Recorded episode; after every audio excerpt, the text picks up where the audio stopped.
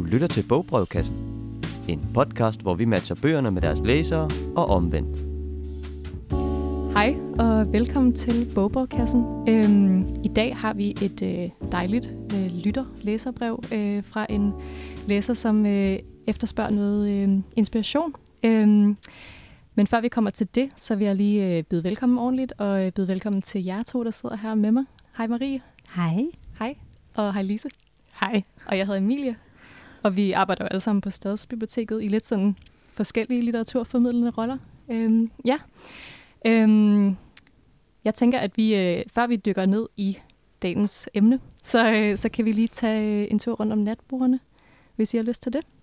Og høre, hvad, hvad I læser, eller hvad I skal til at læse, eller lige har læst. Øhm, må jeg starte med dig, Lise? Det må du i hvert fald.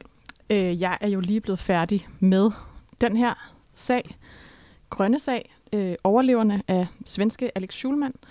Der er jo sådan en kæmpe opmærksomhed på Alex Schulman lige for tiden, øh, og jeg synes, øh, opmærksomheden er fuldt fortjent. Øhm, det er en meget, meget gribende roman, og jeg blev lynhurtigt suget ind i den her sådan ret foruroligende historie om øh, svære familierelationer, om svigt og afmagt. Vi møder fortælleren Benjamin og hans to brødre, Nils og Pierre, som for første gang siden barndommen er taget tilbage til familiens ødegård for at sprede deres nyligt afdøde mors aske. Og det går altså ikke øh, stille øh, for sig. Der, øh, den starter med, at der kommer en politibil til den her øh, ødegård. Ja, ret dramatisk. Øhm, og så hører man også om sådan en meget skæbnesvanger sommer i deres barndom, som sådan har præget hele familien siden.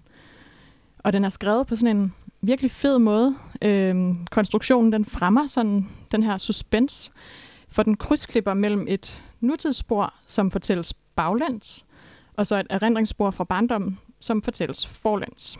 Øhm, og så langsomt så sætter hele puslespillet sig ligesom øh, på plads til sidst. Øhm, jeg synes, Alex Schulman er virkelig dygtig til sådan at sætte scenen. Øhm, han skriver stederne virkelig, virkelig fint frem, og samtidig så er han også rigtig, rigtig god til at beskrive, hvordan stemningen i en relation lynhurtigt kan ændre sig. Det har han virkelig blik for. Øhm, ja, jeg tænker bare, det er en, det er en bog, der virkelig kan, kan anbefales til mange typer af læsere. Ja, ja. Den, øh, den lyder virkelig spændende. Jeg har selv haft øh, øjne på den. Kunne godt tænke mig at komme i gang med den snart.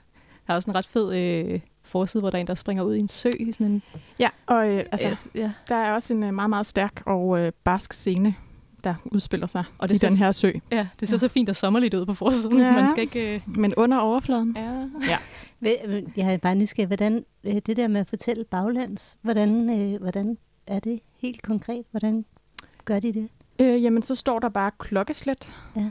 og, så, øh, og så kører det ellers tilbage til det, der er foregået Nå. inden da. Ja, okay. Ja. Ej, den skal jeg også læse. Fantastisk. Øh, skal vi gå videre til dig, Marie? Hvad har du øh, på dit natbord? Ja, jamen, jeg har, øh, jeg har øh, lige læst øh, en bog, der hedder Kristin må væk. Og den er skrevet af øh, Vigdi Hjort, den norske forfatter, og hun har skrevet den sammen med sin datter, som er øh, litterat, og hedder Line Norman, eller Norman Hjort. Og øh, den handler simpelthen om øh, en anden bog, som er Kristin Laurensdatter og Sigrid Undset, som er sådan en øh, middelaldertrilogi, som, øh, som øh, Sigrid Undset skrev tilbage i sådan 1920-22.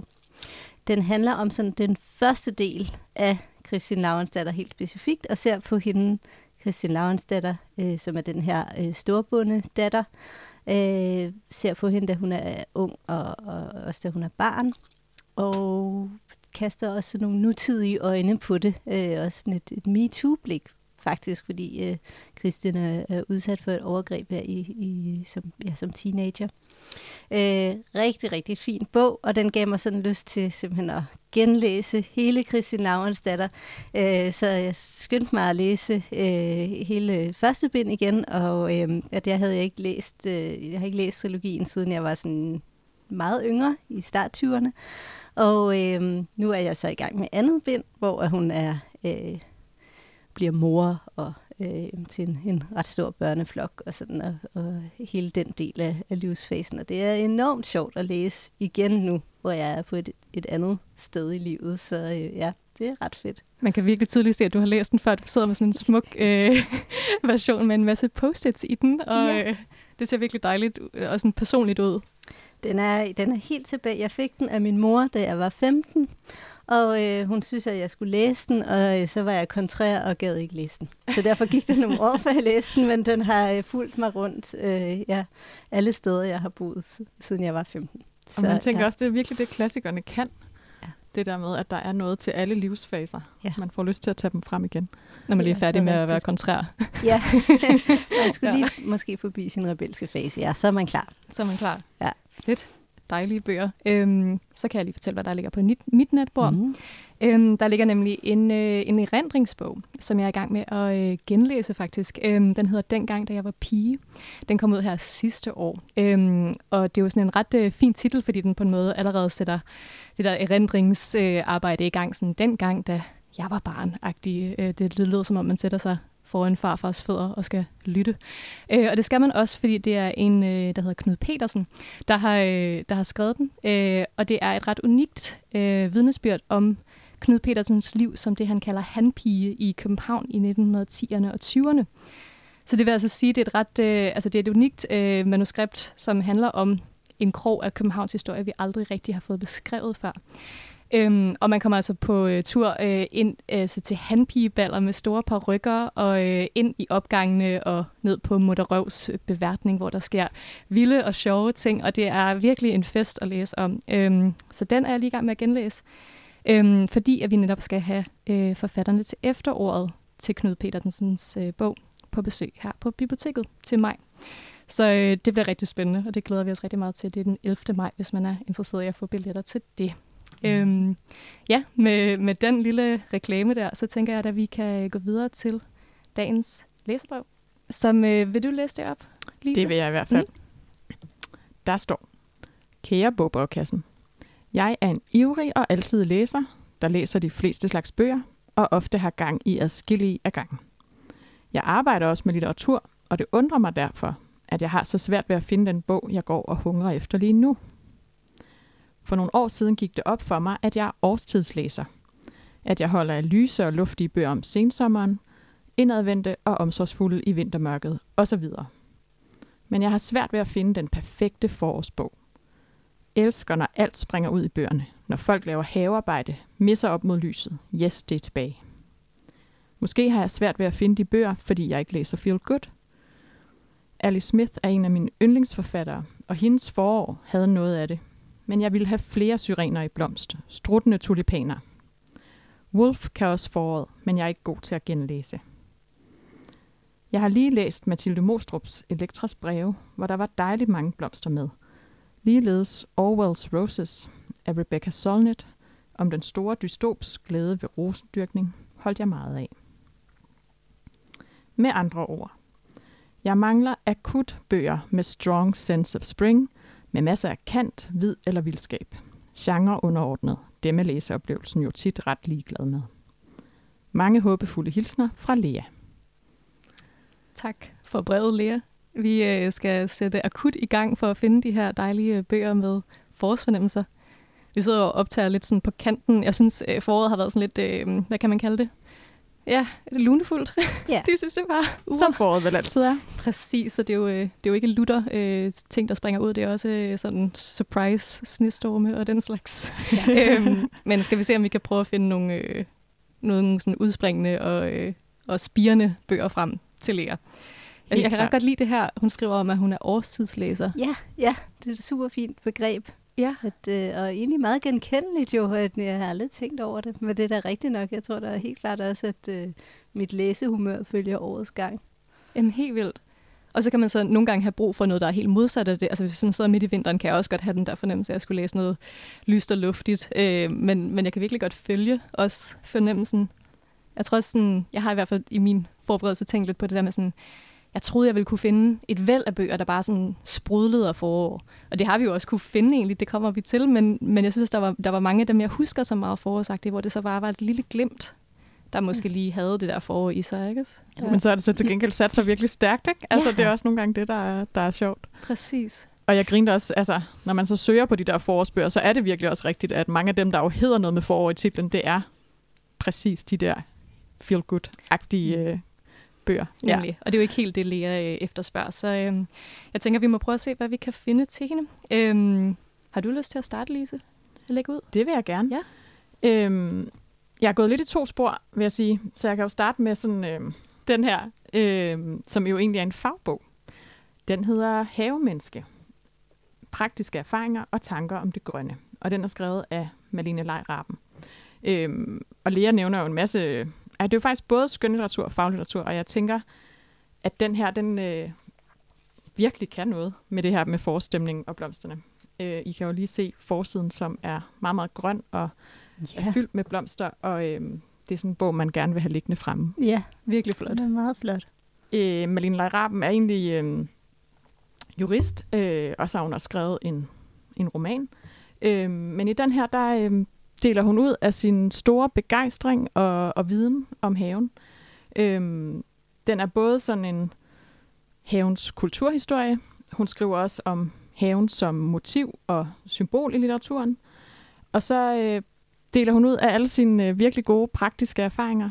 Det handler både om at plante, sådan at der er noget at se på hele året, om hvordan man deler planter, og om for eksempel, hvordan man øh, finder en masse blomster, der dufter, sådan at haven er så rar at gå ud i, selvom aftenen, hvor man ikke rigtig kan se blomsterne.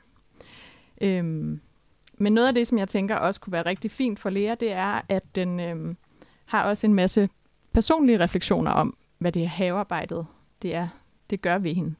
Øhm, det er noget om det her med at, øh, at lære forventningsglæde. Det er jo noget af det, man gør i haven. Man øh, putter et løg ned om efteråret, og så skal man faktisk øh, vente rigtig længe, før man ser resultatet, måske.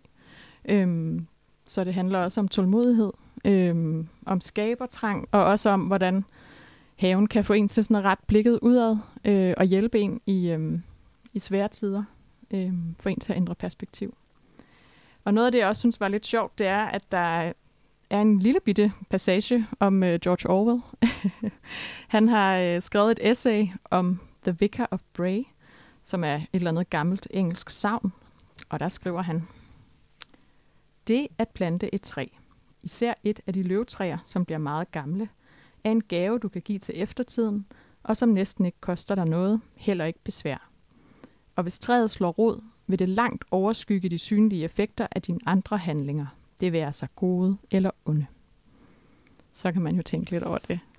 Øhm, noget af det, jeg også synes var ret sjovt ved den, det er, at den præsenterede mig for et begreb, jeg ikke rigtig havde hørt om før, som hedder øhm, øh, armchair gardening. Mm. Øh, det her med at dyrke øh, havearbejde fra øh, lænestolen. Øhm, og det får man jo virkelig lyst til at, øh, at gøre med den her.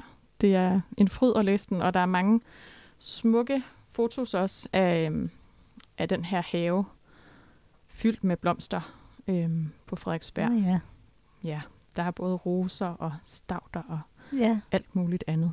Ej, virkelig Så. Øhm, jeg kom i kæmpe, jeg læste den i februar, og jeg kom mm. virkelig sådan i forårshumør, og øh, det kriblede bare i fingrene for at komme ud i haven, og det er sådan en, jeg har lyst til at give den til alle, øh, der ikke har opdaget, at de er havemennesker fantastisk. Og man kan, sådan, man kan sådan dufte mulden, når man sidder med den, kan jeg forestille mig, ikke? Altså, Absolut. Og alle de her blomster, og ja, jeg har ja. lært om alt muligt sjovt. Dejligt med sådan en uh, god sådan praktisk og uh, eftertænksom anvisning der. Ja, det er sådan okay. lidt en, uh, en skæv havebog, ikke? Ja. Også, altså hvis man ikke sådan, nu sagde du, du har lyst til at give den til alle, som ikke ved endnu, at de er havemennesker. Vil det sige, at hvis man ikke sådan har særlig meget praktisk erfaring med at, at holde en have, så kan man godt kaste sig over den også og, og få stort udbytte? Absolut. Okay. Altså, jeg synes også, at gavede havemennesker kan få noget ud af den. Så ja. den er sådan lidt for både nybegyndere, men også, øh, også os, der har brug for at blive mindet om, hvad det, hvad det virkelig hvad det kan, og hvad det gør ved os. Og, øh, den, øh, den følger også både sådan øh, årstiderne, i den måde, den er skrevet på, mm. og så øh, samtidig følger den også livets cyklus. Mm. Så det er også, hun gør så også nogle tanker om det her med for eksempel at, at plante for eftertiden. Så det er jo ret smukt, hvis man nu er en, en gartner, der er lidt op i årene. Ej, dejligt. Mm. Virkelig skønt. Men øh, med den skønne anbefaling til at starte ud med, vil du så øh, fortsætte, Marie? Ja, med din det vil første? jeg da. Ja. Mm. Skal jeg se, hvad jeg skal tage som den første? Jo, jeg tror, jeg tager øh, De Uadskillige af Simone de Beauvoir. Og det var, øh, det var faktisk meget de her ting, Lea skrev om øh, blomstrende syrener, og sådan, som fik mig til at tænke på lige den her bog. Øhm, for jeg var sådan usikker på, hvor forårsagtig den egentlig var. Det kunne jeg ikke lige huske. Det er lige gået et par år fra at læse den. Men jeg kunne huske mange, mange blomster. Og det er der ganske rigtigt også. Men der er faktisk også specifikt forår i den. Og, øh, og sådan en lidt sjov ting øh, ved øh, forår i litteraturen, synes jeg også, den sætter ord på. Fordi der er øh, måske også en fornemmelse af, nu nævnte du, Lise, det her med, at forår i litteraturen, så bliver det hurtigt sådan et eller andet feel good, eller man sådan bliver nærmest sådan lidt undskyldende over at, overhovedet sådan at, at beskæftige sig med det på en eller anden måde. Og det er også på spil i den her bog. Øh, de uadskillelige, uadskillelige handler om, øh, om øh, to veninder, som øh, vokser op sammen. De møder hinanden, det de ni år, på en pigeskole, og den er øh, baseret ret meget en til en på Simone de Beauvoirs eget venskab med en, en øh, pige, der hed Sasa. I den her bog hedder hun André. Øhm, men som hun var meget tæt knyttet til i, i i sin sene barndom og sin ungdom, og som hun desværre mistede, øh, hun døde meget ung.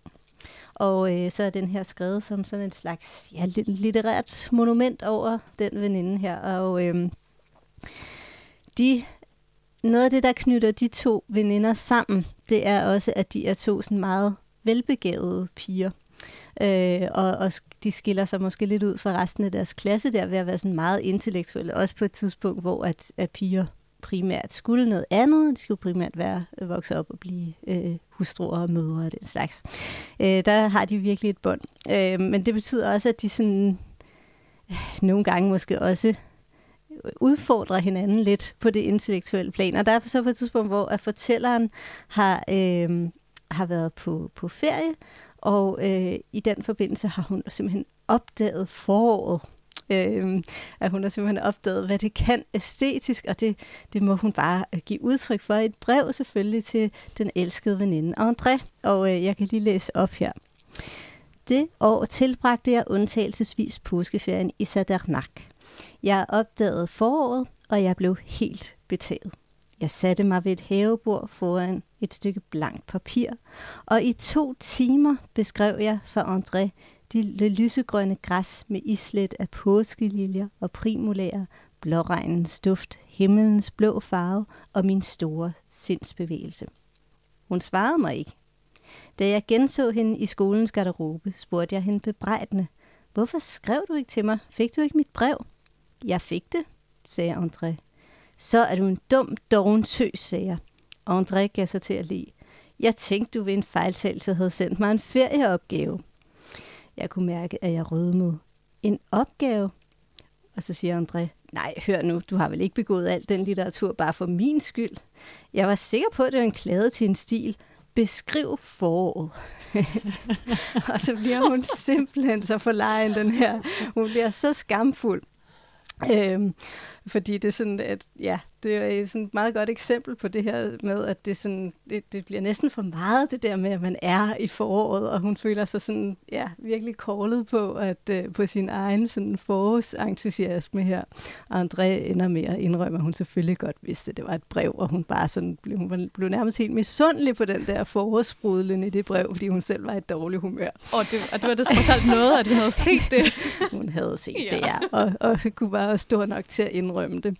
Øh, men jeg synes bare, det var sådan en utrolig fin sådan en lille interaktion mellem de her to veninder. Og, øh, og det er jo selvfølgelig kun et glimt i en, en bog. Den er ikke særlig lang bog, men, øh, men jeg synes egentlig også godt som sådan helhed, at man kan sige, at den har noget i over så Den for, udspiller sig jo i deres ungdom. Og som sagt, så er der altså blomster over det hele. Også, selvom, også i de scener, der ikke nødvendigvis lige foregår i foråret, så er der en sen krokus, der skyder op af jorden. Og sådan. Så den, den har virkelig en, en form for forårsfeel. Så øh, den, den tør jeg godt anbefale som, som en, en bog med A Strong Sense of Spring. Ej, fantastisk. Jeg, jeg kan virkelig sådan, det er meget sådan på en måde ungt, det der, den der sådan det lyder som om, hun er den første, der også på en måde opdager foråret, og det, hun opdager det lidt for, første gang næsten, ikke? Men det, er jo, det kan også godt være lidt sådan, man har det om foråret, ikke? Man har sådan lidt glemt, at det findes, ja. selvom man ikke er måske, jeg ved ikke, hvor gamle de er, 14 eller noget, ung ja, i hvert fald, ikke? Ja, hun er sådan, ja, måske ja. preteen-agtig ja, på det her ja. tidspunkt, ja. Så jeg kan bare godt lide, at, at der er den der sådan bramfrihed ved at bare sætte sig ned og svælge det der forår. Fuldstændig, ja. og det er jo, det, jeg synes, jamen, som du siger, det er jo tit den fornemmelse, man har. Altså, man glemmer det bare lidt fra år til år, så man genopdager jo også foråret. Jeg tænker også på den der sådan en sang af, af Edvard Grieg, som, som også er, hvor det er sådan noget, endnu en gang. Altså, så det er helt altid den der følelse af sådan, åh, oh, endnu en gang er vi her, og det hele bare springer ud og er smukt, ikke? Præcis. Så, ja. ja, hvad er det nu, den hedder? Den, øh, jeg, ved, jeg tror, den hedder Vågen. Ja, ja, hedder den ikke det? Jo. Ja. Jo, den er ret fin også. Ja. ja. Hvis man skal have lidt øh, forårsmusik. Ja, ja. ja. Mm. hvis man øh, skal have soundtrack til, til sine forårsbøger, så kan man passende sætte den på. Ja, tak for den. Skal jeg tage, tage tiden videre? Ja, lad os ja. høre, hvad du har med. Yes. Øhm, jeg øhm, har en bog med her først, som på en måde er lidt i tråd med det, du snakker om, Maria. Altså, øhm, den her sådan ungdommelige, kode, lidt overstadige øhm, fornemmelse af forår. Øhm, jeg har, det er en bog, jeg lige har læst altså op til det her afsnit, øh, fordi jeg sad og kiggede rundt og netop havde den der følelse af, sådan, ej, jeg føler, jeg har læst så meget om forår, men hvad, hvor var det lige, at det der forår befandt sig henne? Øhm, og så fandt jeg frem til en klassiker, øh, også øh, af E.M. Forster, britiske E.M. Forster, øh, som på dansk hedder Værelse med udsigt, eller A Room with a View. Øhm, og den er fra starten af 1900-tallet, jeg tror det er 1908 eller noget i den retning. Og den er, jeg tror den er i tone, er den ret anderledes end Beauvoir, men den har, øhm, altså den følger nogle, nogle unge folk, som er lidt ældre end de unge, der er i Beauvoir. Øh, vi har en, en hovedperson, der hedder Lucy. Jeg gætter på, hun er i 20'erne. Hun er sådan ung Miss, Miss Honeychurch. Øhm, er sådan i den giftemodende alder, men sådan meget ung og, øh, og naiv og klar til at møde verden. Øhm, og hun er så øh, blevet sendt på, eller taget på sådan et, et, et ferieophold øh, med sin kusine, som er sådan en øh, pebermø, der hedder Miss Bartlett. Er hun øhm, sådan en anstandsdame? Ja, eller? hun ja. er sådan uh, chaperone-agtigt. Hun er ligesom med for at sørge for, at alting går godt for sig for Lucy, ikke? så hun ikke ruder sig ud i noget råd. Øhm, øhm, og det starter simpelthen med, at de er i Firenze, og jeg tror, det er april, eller i hvert fald forår. Øhm, og de har fået et værelse, der ikke har nogen udsigt, og det er jo altså det, kan jo, det går jo ikke. Der er sådan, simpelthen drama fra første færd, fordi at de har ikke et værelse med udsigt, og det kan jo bare ikke gå. Øh, det er sådan ret herlig. Øh, jeg har ikke læst Forster før, men han har bare sådan en helt vildt herlig, øh, altså satirisk øh, måde at skrive på, som samtidig er meget øh, godhjertet. Altså han, han vil virkelig sin karakter det godt. Han vil virkelig gerne fortælle en en rigtig historie om dem, og sådan, så, man, så man føler med dem. Men han har også bare et, et, et sådan fuldstændig nådesløst blik på de her engelske turister. Det er simpelthen, han har så mange spydige kommentarer om, hvordan de bevæger sig rundt i Italien. Øhm, der er sådan en... Øh, en, ting, øh, en bog, de render rundt med, der hedder en Baedeker, og jeg vidste ikke lige, hvad det var, men det viser sig, det er sådan en, en turguide, øh, lidt ligesom turen går til. Øh, og der er simpelthen så mange kommentarer om, hvordan de her engelske turister ikke kan gå nogen steder uden deres Baedeker. Og, sådan, og det bliver sådan et, et, et symbol på den her turisme, der bare er sådan, og dem, som så er britiske eller engelske og bor i Firenze, ser så ned på dem, der render rundt med deres Baedeker og ligesom øh, ja, er turister. Ikke? Rigtig herligt. Øhm, og det, der så foregår her, er, at øh, Lucy jo selvfølgelig øh, møder en flot fyr. Øhm, jeg vil ikke afsløre for meget, men jeg kan i hvert fald sige, at øh, der er en scene med nogle violer øh, uden for Paris, ud, ikke uden for Paris, uden for Firenze selvfølgelig, øh, som ligesom sætter det, sådan, det romantiske plot på spil og i gang og så videre her i foråret i Firenze. Øhm, så der er rigtig meget mange forårsfornemmelser, mange, meget kodhed, meget nervøsitet, alt er sådan lidt på spidsen øhm, hele tiden. Øh, og så følger vi så karaktererne videre. Jeg vil ikke igen afsløre det hele, men de kommer tilbage til England. Øhm, og så sker der meget, meget mere derfra, øh, og vi, vi, vi kommer også ud i nogle andre årstider, men den ender faktisk også om foråret, øh, sådan helt afslutningsvis.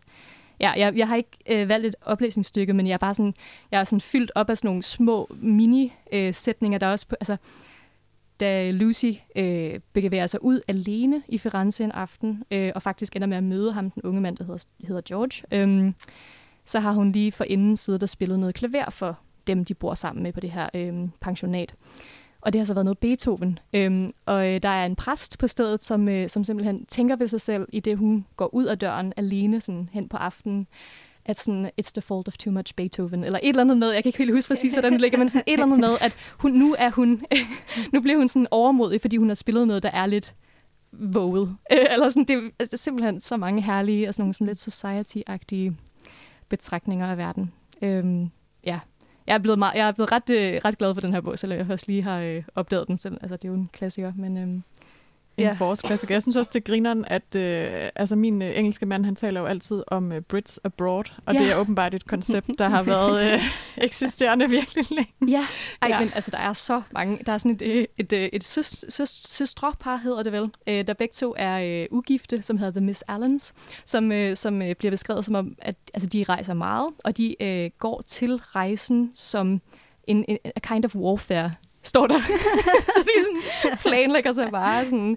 Og de, kan, og de har ikke rigtig det er ikke gået op for dem, at de godt kan købe mad andre steder end i Storbritannien. Så de har altid altså, alt deres digestive bread med. Og sådan. Altså det er sådan meget herligt. Øhm, ja. Det sker stadig for britter, kan jeg afsløre. Ja, hvad kan man sige? Os danskere er vores robrød, ikke også? Altså, det, er bare sådan, det er jo ikke, ikke ukendt i hvert fald. Så øhm, ja, jeg vil sige, uh, gå, gå, uh, gå ombord i Forster uh, til foråret. Det synes jeg, man skal. Øhm. Ja, det var min første anbefaling. Mm. Vil du tage, tage den videre, Lise, med din Ja, anden?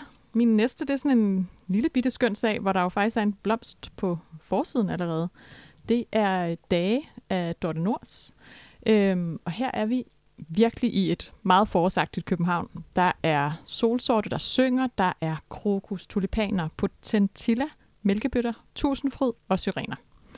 Øhm, men foråret udenfor, det står sådan virkelig kontrast til fortællerens følelser indeni. Øhm, fortælleren er sådan en kvindelig forfatter. Hun er næsten midt i livet, som hun skriver, da hun har fødselsdag. Øhm, og hun er blevet forladt af sin kæreste.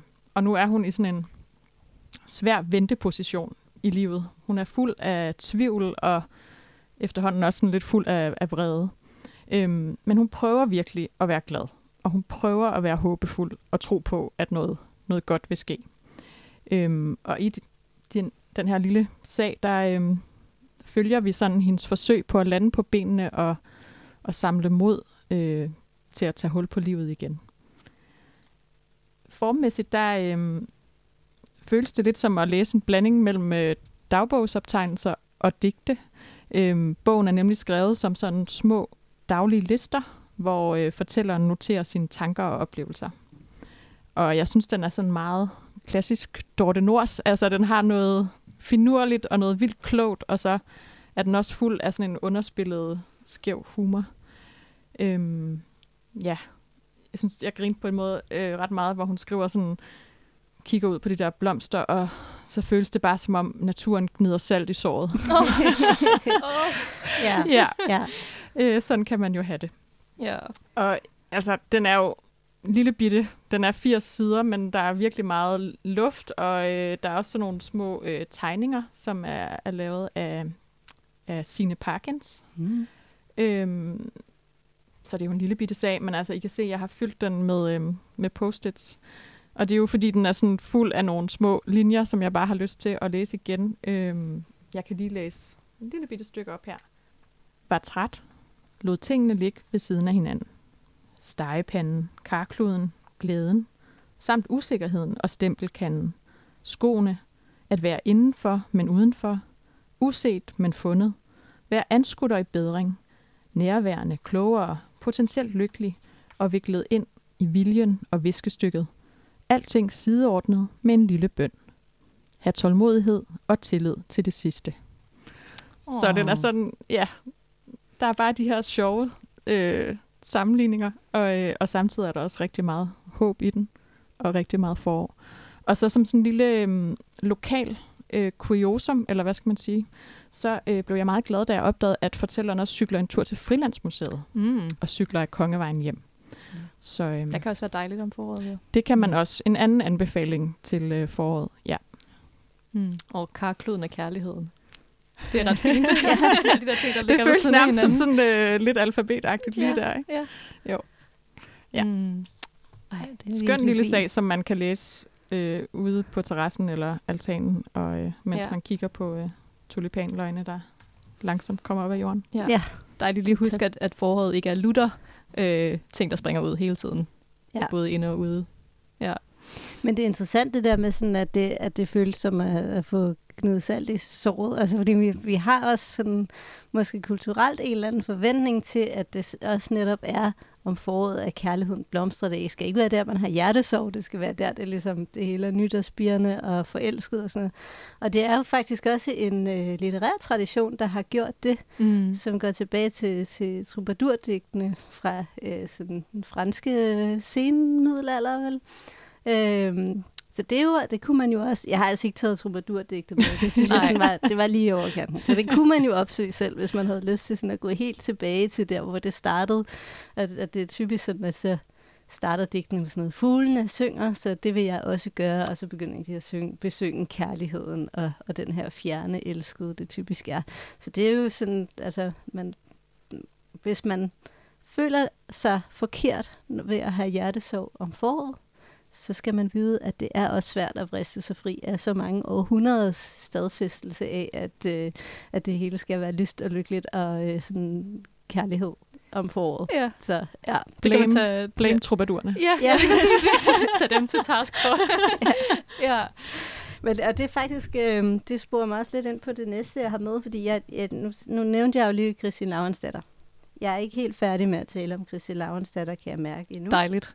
Ja. det vil vi gerne have mere om. Fordi der var faktisk også, opdaget jeg, et, et fint lille forested i den, og den er, det er netop sådan en meget sammenkædning af den erotiske kærlighed og foråret. Øh, og det er på et tidspunkt i Christine Lavensdatters ungdom, hvor hun er meget nyforelsket. Hun har mødt Erlend, øh, som det ikke er så godt, hun har mødt egentlig, fordi hun var egentlig trolovet med et andet godt parti, sød ung mand, som hendes forældre stod meget indenfor.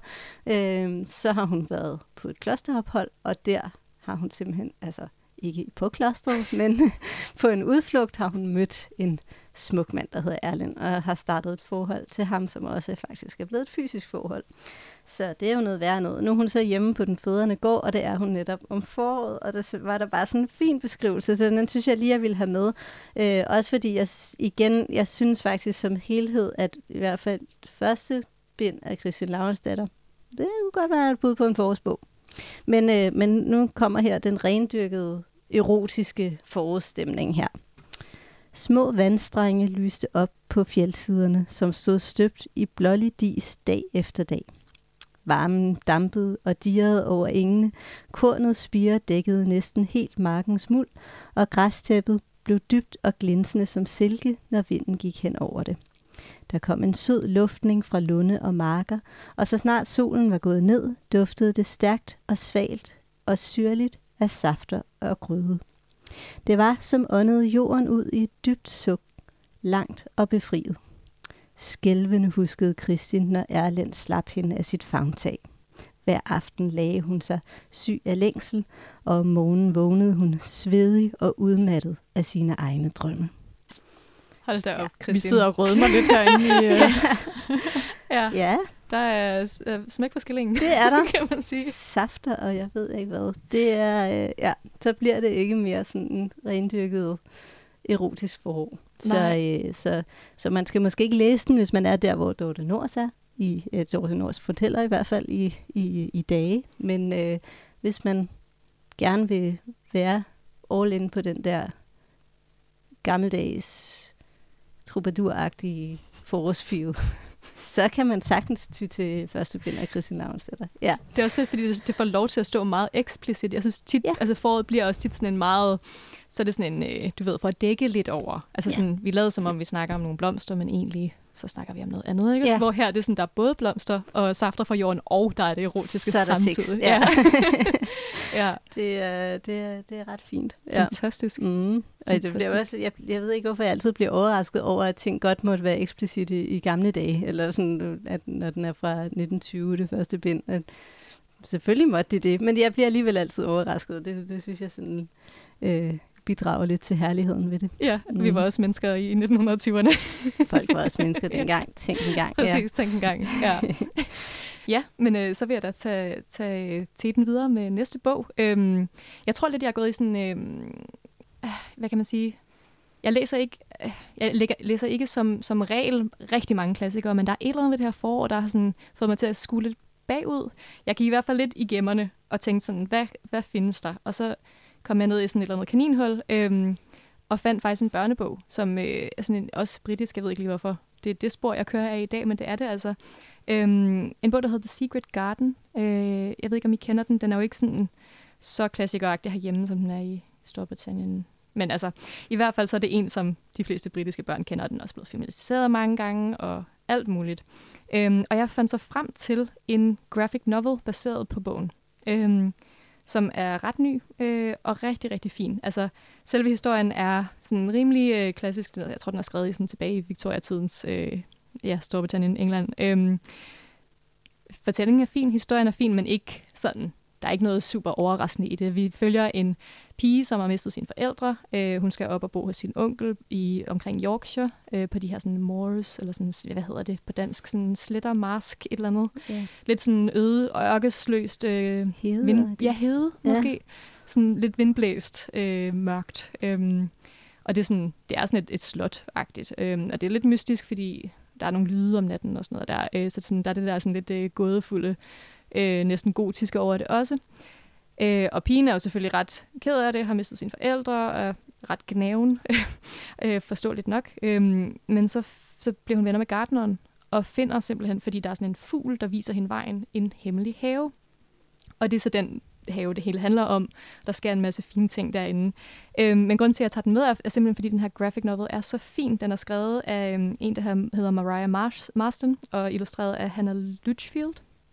Øhm, og den, den starter sådan lidt om vinteren, men så kan man se, hvis man bladrer i den, nu sidder jeg lige og viser hjerte, at øh, farverne går fra at være sådan lidt grålige i det, til sådan stille og roligt at springe ud lige så fint, Ej, til det bliver sådan ja. ja, grønt og fuldt af blomster. Øhm, så jeg synes bare i hvert fald, det var en rigtig fin oplevelse bare at sådan læse stille og roligt med på den her meget enkle fortælling, der bare stille og roligt blomstrer øh, og bliver, bliver sådan farverig. Ja. Øhm, ej, den er meget smuk. Og jeg tænker ja. også, den, jeg synes nogle gange, jeg bliver skræmt af de der graphic novels, hvor der er sindssygt meget småt knudret ja. tekst, og det er der på ingen måde i den der, kan jeg se. Fordi det er netop det, og det er jo, det er jo skrevet sådan, så et barn kunne læse det, ikke? Mm. Altså, så det er jo også, teksten er ikke det, man skal komme efter nødvendigvis. Det er de her fine, øh, sådan lidt naive, men også ret øh, sådan, jeg synes, de har noget at komme med, de her øh, illustrationer. De er ret fine, og der er fine fugle og ja, oh, børn, der yeah. leger rundt og roser. Og, så den, ja, hvis man lige har lyst til sådan en, øh, en man let, hurtigt og sanseligt bladrer sig igennem øh, til foråret, så synes jeg, man skal få fat i The Secret Garden som graphic novel. Og det er virkelig fedt, at der er kommet efterhånden. Altså mange af de der gamle klassikere er jo netop blevet øh, omdannet til sådan virkelig fede graphic novels. Lige så øh, får man dem ind på en anden måde. Ja, så øh, ja, den, øh, den vil jeg smide med i bunken af forårsbøger. Den ser virkelig fin ud. Ja, ja. ja, ja men jeg blev også ret overrasket. Ja, det, det var dejligt. Mm. Ja. Har vi flere bøger, vi skal have med i øh, jeg har En, jeg har en sidste en med. Ja. Øhm, og den, øh, det, det var faktisk en, jeg tilfældigvis lige havde læst. Den er relativt øh, ny udkommet. Øh, nu vender jeg så, lige før vendte jeg tilbage til Christian Laurensdatter, og nu vender jeg tilbage til Vigtig Shorts, som jeg også allerede har nævnt en gang, så jeg kredser lidt om de samme temaer, men øh, det er simpelthen helt tilfældigt. Men øh, den bog, som hun har skrevet, som hedder 15 år, det revolutionære forår, den har jo simpelthen forår i titlen, mm. så, så det var jo helt perfekt. Og så har den faktisk også en ret fin øh, skildring af øh, en forårssituation.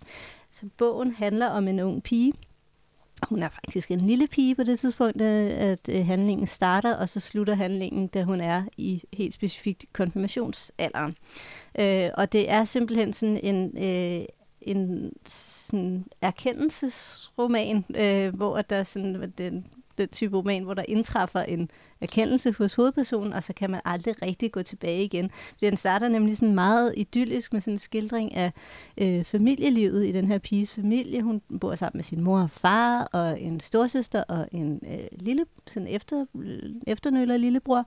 Og det lyder bare så hyggeligt alt, hvad de laver. Det er sådan helt meget sådan cyklisk, og, og, og ting gentager sig, og det finder hun stor glæde ved, den her tryghed, og øh, man får sådan en fornemmelse af, at de alle sammen trives rigtig godt i det her.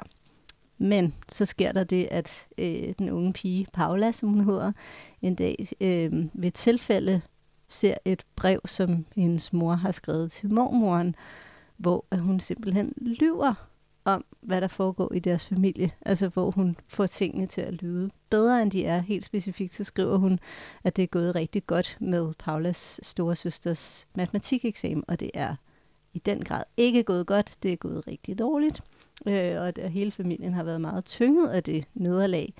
Øh, og hvad ligger der til grund for den løgn? Det kan hun jo ikke lade være med at tænke over. Jamen, altså, det, har hun i virkeligheden ønsket sig et helt andet liv, eller er hun bare frygter hun mormoren mere, end hun elsker sine børn, siden hun ikke kan stå ved storsøsteren. Øh, og alle mulige andre ting, hun også lyver om, viser sig. Så det er sådan øh, jo ret, et ret øh, voldsomt vendepunkt i hendes liv. Og øh, den følger hende så frem til det revolutionære forår, som er det forår, hvor hun skal konfirmeres og beslutter, at hun er simpelthen nødt, nødt til at, at gøre en eller anden form for oprør mod det her, den her løgn, det her mærkelige dobbeltliv. Øhm, hvordan hun gør det, det vil jeg ikke afsløre, men øh, den har altså øh, den har jo også en slags force field over sig i det hele taget, synes jeg, den her sådan lidt revolutionære kraft, der kan ligge i foråret. Øh, sådan, der er det ikke så erotisk, det er mere bare sådan den her øh, livsvilje, vil jeg også kalde det, fordi hun, hun er en pige, der føler ting meget stærkt, og så er det jo klart, jamen, så er det da også en kæmpe provokation, at øh, nogen går rundt og lyver om, hvad verden er. Og et eksempel på, at hun er, har den her store livsvilje, det er netop en skildring af, øh, af foråret, og nu skal jeg lige finde, hvad det var, jeg ville læse op, for der er sådan et, et fint sted. Det er specifikt en beskrivelse af øh, maj måned. Maj kom med blændende lyse morgener og grøn bladbrand under den blå himmel og i skoven og haven blomstrede og voksede, og lugtede det altid, som om det lige havde regnet, og fuglene sang, og solen var så stærk, at den ikke var til at se på, så hun måtte misse mod alt, og måske ikke så rigtigt. Når hun cyklede alene langs elven, følte hun så stærk en lyst til at leve. Hvor den nåede havet, altså elven, sad hun på klipperne, som skrånede ned mod vandet, og talte skibene på vej mod andre verdener, som lukkede. Hun ville med dem, men også ind i den sten, hun sad på. Der slog et hjerte i den, langsomt, men jævnt. Og myren på jorden ved siden af stenen, som sled med at manøvrere en fyrenål millimeter for millimeter langs sin sko. Hvordan var det at være den? Hun prøvede at hjælpe, men vidste jo ikke, hvor den skulle hen med nålen. Og hun tænkte på myrerne, hun lige havde slået ihjel ved bare at cykle herhen, slået ihjel ved bare at findes. Åh, det var svært, men hun elskede den høje blå himmel og tørstede efter alt. De små klæbrige bladskud på buskene og de små nyudsprungne blade på birketræerne. Hun havde en feber i blodet, et skred i hjertet, som bankede så vildt i brystet, at hun næsten ikke kunne holde det ud, så hun måtte berolige og dæmpe det. Hvordan gjorde hun det? Hvorfor havde Gud sat hende ind i en verden med sådan en feber, en sådan en uro, en sådan tørst, som ikke kunne stilles? For det forstod hun, at den kunne ikke stilles, at hun måtte finde en måde at leve med den på, at det var opgaven. Ja, det synes jeg var er så fantastisk fint skrevet. Virkelig? Altså, ja. Man er både inde i stenens hjerte og nede ved myrerne på, ja. på vejen og alting. Ja, det der øh, kæmpe lyst til bare til verden og til livet og til at være sted på skibene, men jeg er også trængt dybt ind i scenen og til at se det hele fra myrens perspektiv, og så samtidig skulle bære det hele. Altså at øh, sådan indse, jamen det, man kan aldrig helt blive forløst i den her fantastiske, sprudlende forestemning. Det er, det er virkelig, virkelig fint beskrevet. Virkelig. Og, der, og sådan der sådan voldsomhed og sådan der, altså forandring, og hvad kommer der nu, der ligger både i altså ungdommen, men også foråret, ikke? Altså, ja. ja. Og det, det lyder også meget... Ej, undskyld. Det er så svært. Det er sådan, øh, rytmen er også helt fantastisk i det, ikke? At det er sådan et eksempel på det, synes jeg, at, at Vigtig Short kan rigtig godt. Øh, at, øh, at det, er sådan, det, det ligger helt i, i rytmen af sproget, at det er sådan, åh, det er så sprudlende, og det er så blomstrende. Undskyld, hvad var du ved at sige? Nej, men jeg tænkte også, den lyder jo virkelig som sådan klassisk coming of age, ikke? Altså, øh, lige præcis det der moment, hvor man indser noget meget markant om sine forældre. Ja. ja. Som man ikke kan tage tilbage. Og faktisk på sådan en meget øhm, moden måde. Altså, det kom bag på mig, fordi da jeg sådan havde læst bagsideteksten, så tænkte jeg sådan, om det lyder også, det lyder meget ungt, og sådan et eller andet sådan meget demonstrativt og meget sådan sort-hvidt. Men, øh, men uden at afsløre for meget, så øh, handler den også lige så meget om sådan at øh, erkendelsen af ikke, at verden er hul, men at verden er fuld af ambivalens, og man simpelthen er sådan nødt til at, at tage det med sig, og finde en måde at være i det på. Så øh, det kan den også, vil jeg sige. Det lyder som en skøn bog også. Den er Ja. virkelig skøn. Ja. Og jeg tænker også, at øh, jeg har kun læst nogle af Vigdis Shorts andre romaner, men hun kan jo åbenbart bare skrive om de her øh, familierelationer og sådan indsigter øh, gennem hele livet. Altså hun virkelig. både øh, personer, som er unge og, og gamle. Ja, det er Ja. præcis. Jeg er sådan en, som øh, er mor død, så, hvor det er på et meget senere stadie. Ikke? Ja. Men Hun har et fantastisk blik for de der bitte små skred mellem generationerne. Ja. Mm. Det er virkelig stærkt. Ja. Jeg tænker også, at man kunne godt lige læse den sammen med Schulman måske. Mhm. Ja, Ja. Ja, ja, det er da rigtigt. Ja. Ej, virkelig mange øh, gode bøger at få sat sammen, og så få knyttet nogle tråde øh, fra det ene til det andet.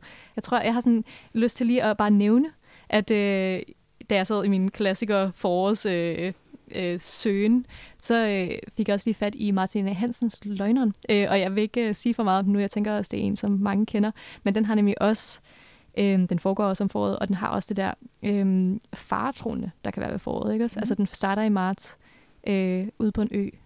Der er en mand, som ikke er på øen, som øh, skal hjem til øen, og først kan gøre det, når isen bryder. Og der er så nogle dramaer, der bliver løst op, eller sådan, der bliver sat i gang, når han så kommer hjem. Eller sådan. Men øh, nu, ja, nu synes jeg også, vi har, øh, vi har snakket længe om foråret. Vi har fået meget øh, i gang, og forhåbentlig er der noget af det, Lea kan bruge. Øhm, ja, det håber vi i hvert fald. Og vi håber, at det, det spiger, og øh, der bliver noget sol derude også en eller anden dag snart. ja, det kunne være dejligt. Ja. ja. Ikke så meget øh, slud og sne mere måske, hvis Nej. vi er heldige. Øhm, ja, så med de ord, så vil vi bare sige tusind tak for brevet, Lea. Og til andre lyttere, så øh, hvis I sidder med ting, I mangler inspiration til, eller læsedilemmaer, eller læse årstider, I mangler bøger til, eller andet, så skal I endelig bare skrive til os på øh, info Det kan I altid gøre. Vi vil meget gerne have breve fra jer. Og så vil jeg bare sige tak for i dag til jer to. Ja, det var en fornøjelse. Ja, i lige måde, og Og- tusind tak til lytterne. Ja. Og god læselyst. God læselyst.